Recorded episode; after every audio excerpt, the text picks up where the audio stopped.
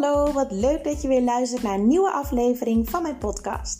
De podcast waarin ik graag meer vertel over het gedrag van puberjongens.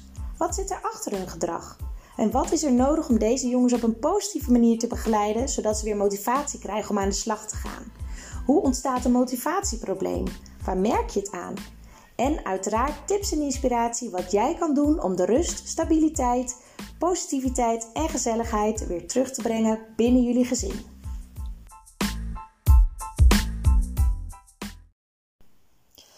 Vandaag de podcast over ik denk dat mijn puber hulp nodig heeft, maar hij denkt daar zelf anders over.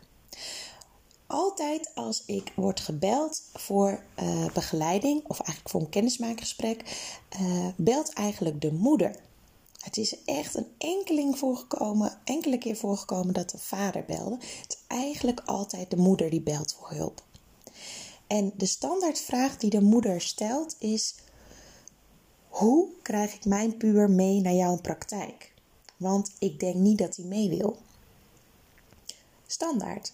En ik zeg altijd: ik geef het advies om te zeggen: verplicht om mee te gaan naar het kennismaakgesprek.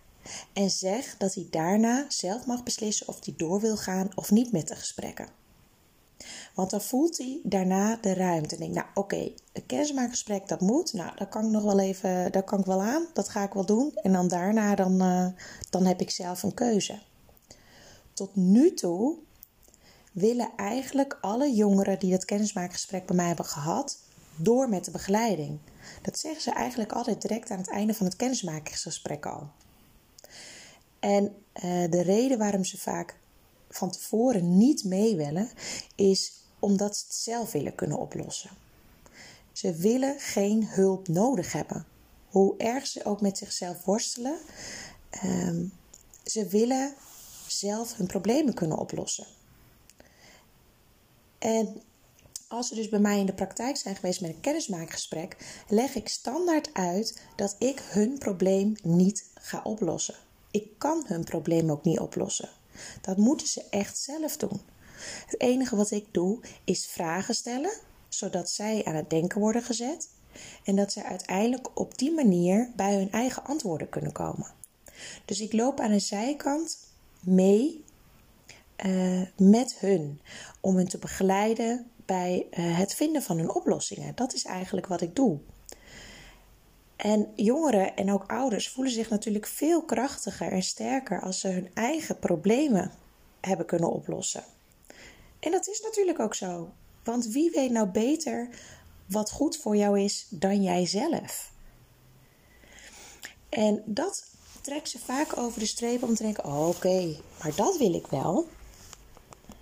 Dat vind ik wel fijn om te, om, om te doen.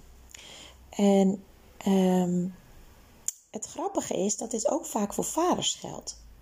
als een ouder of als een moeder bijvoorbeeld met de vader overlegt, of dat nou uh, een ex-man is of nog steeds een partner is, dat maakt eigenlijk niet uit. In beide situaties merk ik dat vaders het vaak onzin vinden om hulp in te schakelen. Ze hebben zoiets van, ja, laat hem maar even worstelen. Hij komt er vanzelf wel uit. En als het hem echt niet meer lukt, dan komt hij wel. En anders gaat hij maar een keer in onderuit. Daar wordt hij hard van, daar leert hij van. En dat is wel grappig, want dat is echt mannen eigen. Dat heb ik eigenlijk al eerder in een andere podcast ook aangegeven. Op een of andere manier is het in de deze maatschappij zo dat de mannen en de jongens vinden dat ze alles zelf moeten oplossen. Ze moeten zelfstandig zijn, ze moeten het alleen aankunnen. Ze willen geen hulp van buitenaf. Ze hebben het gevoel dat ze falen. Als ze dus niet iets voor elkaar krijgen of ze lopen vast, dan hebben ze het gevoel te falen. Um, Terwijl ze best wel die hulp kunnen gebruiken natuurlijk. Dus op de vraag hoe krijg ik mijn kind mee uh, naar hulp? Ik geef altijd advies: verplicht het kennismakingsgesprek. Want daarna weten ze waar ze ja of nee tegen zeggen. Ze hebben mij ontmoet of degene bij wie ze op gesprek gaan. Uh, en andersom. Uh, ze merken hoe je praat, hoe je met ze omgaat. Uh, wat, wat jongeren eigenlijk standaard als reactie geven van... oh, oké, ik merk nu ook dat je naar mij luistert. En de jongeren die vastzitten of, of die, die worstelen met problematiek, helemaal met motivatieproblematiek, die zijn heel erg gewend dat er boodschappen en informatie wordt gezonden. Dus eigenlijk dat tegen hun wordt gepraat. Allemaal adviezen uh, op school, straffen, negativiteit van ouders en van school. Uh, overal gedonder en alles wordt tegen hun gezegd. Er wordt heel weinig eigenlijk gevraagd. En soms wordt wel op een manier gevraagd. Uh, of op, uh, gevraagd, maar dan op een bepaalde manier, waardoor de jongeren zoiets hebben: ja, weet je, dit is een controlerende vraag. Of het is een vraag waar eigenlijk maar één goed antwoord op is. Ja, en dat is niet mijn antwoord. Dus ja, dan stelt het dan niks meer voor, die vraag. En ik stel heel erg de vraag aan de jongeren: maar hoe zie jij dat? Wat wil jij? Waar baal je van? Wat is de reden dat je hier nu zit met je ouders? Hoe vind je het om hier te zitten? Waarom vind je het stom? Ik heb laatst ook, had ik een jongen in de praktijk en die kwam al heel erg met weerstand binnen. Ik moet zeggen, dat gebeurt heel vaak bij het kennismaakgesprek. Ik ben dan direct benieuwd, waar komt die weerstand vandaan? Wat is de reden daarvoor? Want er is altijd een oorzaak. Er is altijd een oorzaak waarom een jongere zich zo gedraagt. En deze jongen vertelde, ja, ik ben echt teleurgesteld in mijn ouders, want opeens moest ik mee hierheen. En die ouders, die hadden dus mij ook de vraag gesteld, joh, wat kan ik het beste doen? Kan ik me het beste voorbereiden? Dus, dus al een paar dagen van tevoren zeggen: joh, we gaan dan en dan naar Marieke toe. Um, om een kennismaakgesprek te doen. Of moet ik het vlak van tevoren doen, zodat hij eigenlijk gewoon ja, een soort van overvallen wordt en maar gewoon mee moet. En niet moeilijk kan doen. En ik weet nooit wat het beste is, want ik ken die jongen, jongeren dan nog niet. Dus ik zeg eigenlijk altijd tegen ouders Volg je eigen gevoel erin. Wat denk jij? Jij kent je kind het beste. Wat werkt? Gaat hij elke avond wakker liggen als je het ver van tevoren vertelt? Uh, gaat hij heel veel ruzie uh, aan als je het ver van tevoren vertelt? Of vindt hij juist fijn om het ver van tevoren te weten? Nou, deze ouders hadden ingeschat dat het slim was om vlak van tevoren opeens hem ermee te overvallen. En nou ja, dat bleek dus een verkeerde inschatting te zijn. Want deze puber zei van ja, ik was echt wel meegegaan. Ook al uh, hadden ze het een paar dagen eerder gezegd. Maar dan had ik me in ieder geval erop kunnen voorbereiden in mijn hoofd dat dit eraan kwam. En nu zit ik hier en weet ik eigenlijk helemaal niet wat ik moet vertellen. Ik zei, nou maak je niet druk. Het is een kennismaakgesprek. Je had je ook helemaal niet hoeven voorbereiden. Maar ik snap wel dat je het fijn had gevonden om te weten dat dit eraan zat te komen. Dus dit is misschien een, uh, ja, een leermoment voor je ouders. En zo hebben we allemaal af en toe een leermoment. Het is heel moeilijk om in te schatten voor je ouders van tevoren waar ze goed aan doen. Uiteindelijk handelen ze uit liefde en uit zorg. Ze maken zich zorgen om jou. Ze zien dat het niet goed met je gaat. En willen dan op een uh, ja, zo vriendelijk mogelijke en weg van minste weerstand uh, manier, zeg maar, jou meekrijgen naar de praktijk. Met de hoop dat je uiteindelijk een positief gevoel eraan overhoudt. En ja zegt tegen de begeleiding. Omdat ze zien dat je niet lekker in je vel zit. Omdat ze zien dat je hulp kan gebruiken. Dat ze zien dat zij niet verder met je komen. Dat er zien dat er heel veel gebeurt binnen het gezin waar niemand blij van wordt. En ze gunnen je zoveel meer positiviteit en plezier in het leven. En dat snappen die pubers heel goed als je het zo uitlegt. Maar toch zijn ze natuurlijk teleurgesteld dat het op deze manier moest. En dat begrijp ik en dat mag. Dus weet je, ik ben heel erg altijd van benoem wat je ziet. Benoem eerlijk hoe het is. Dus als ouder zijnde kan je zeggen, joh, ik heb een afspraak bij uh, bijvoorbeeld bij, bij Marieke gemaakt. En ik weet niet zo goed of ik je het nu al moest vertellen of vlak van tevoren.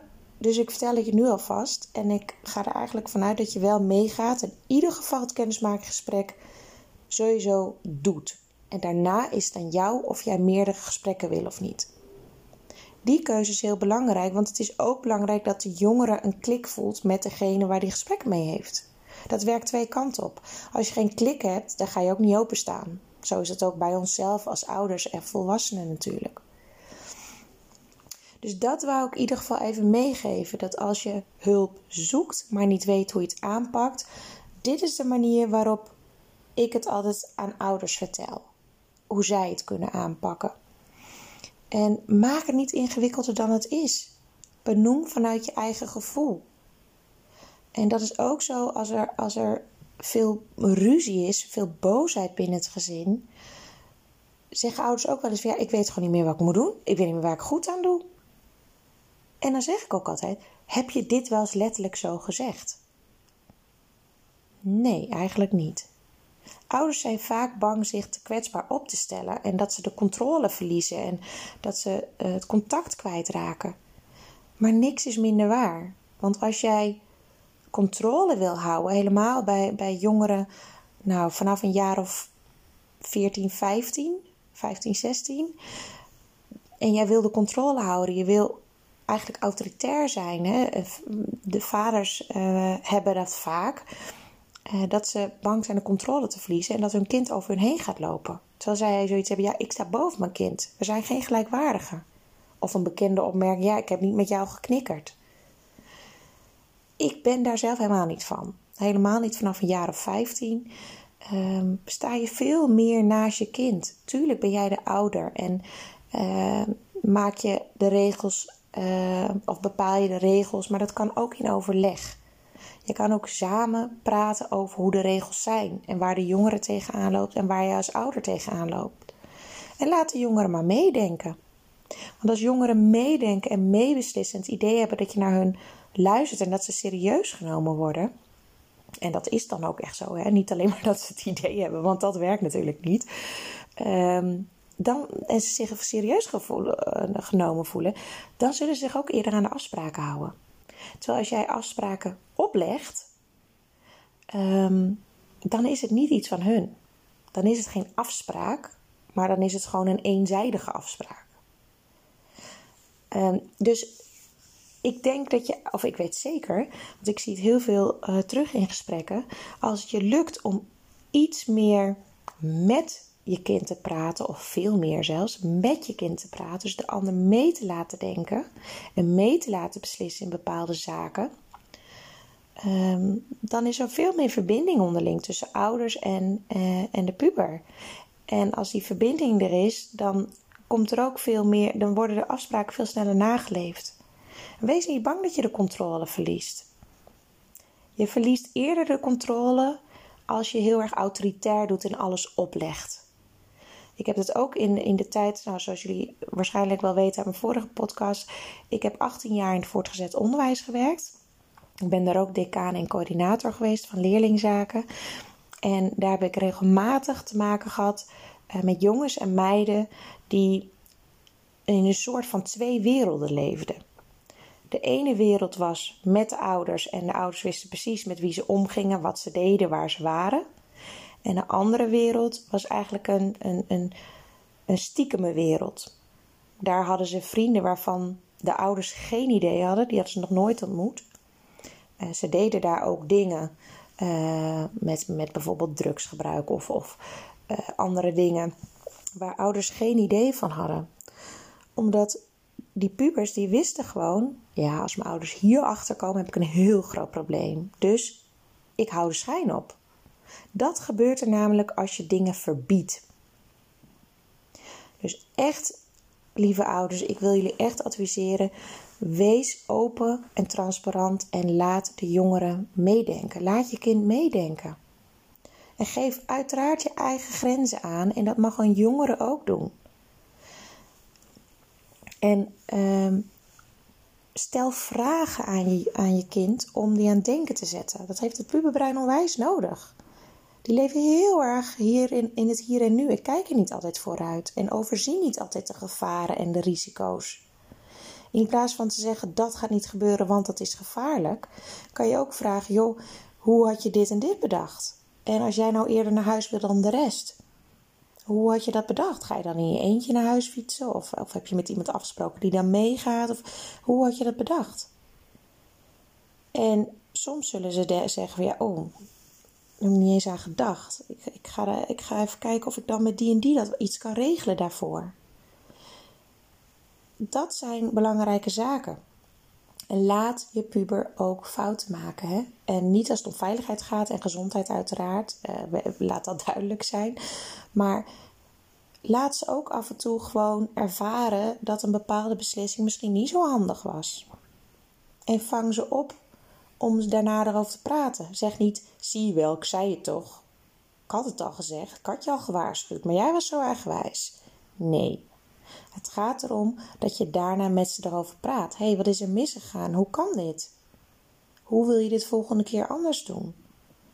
Of hoe heb je dit zelf ervaren? Praat met ze op een gelijkwaardige manier.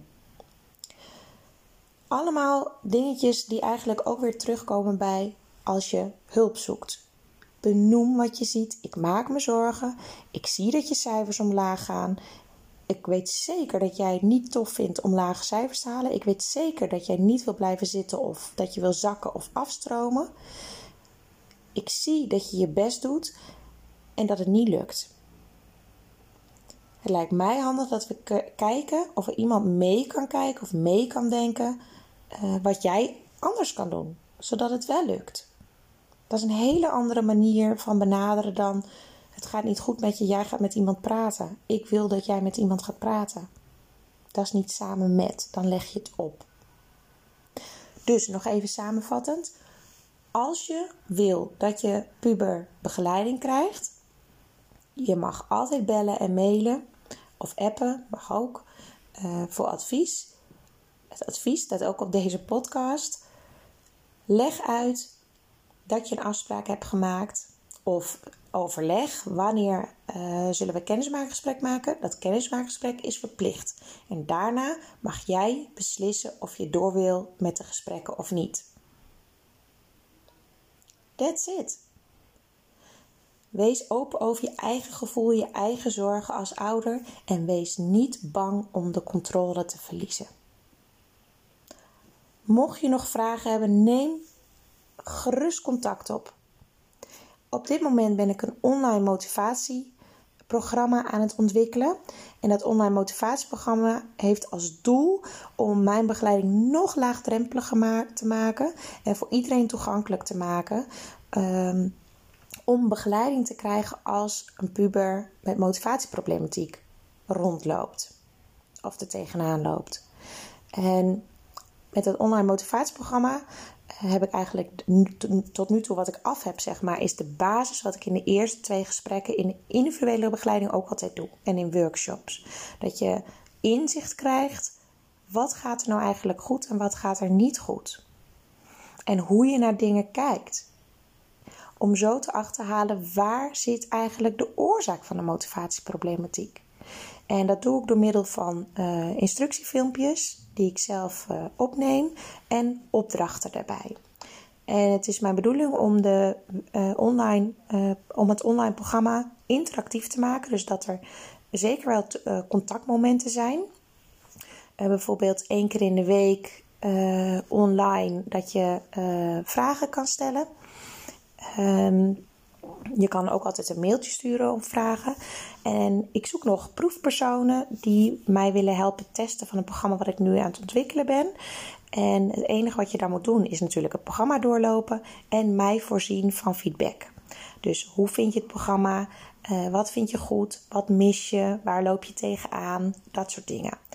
En wat je er zelf uithaalt, is natuurlijk dan uh, stappen in je ontwikkeling, zowel als ouder van de puber met motivatieproblematiek als de puber zelf. Want ik werk nooit met alleen een puber. Ik werk altijd met de puber en de ouders samen. Want de motivatieproblematiek is altijd een wisselwerking. Het is nooit uh, alleen de puber. Dus uh, sta je daarvoor open of ken je iemand die een proefpersoon zou willen zijn? Uh, stuur gerust een mailtje naar Marieke, coachpraktijkblijleven.nl Bedankt voor het luisteren en tot de volgende keer.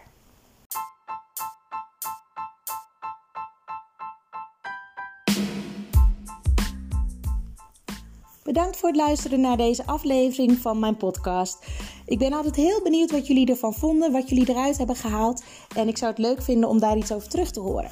Je kan het natuurlijk delen op social media en mij uh, taggen.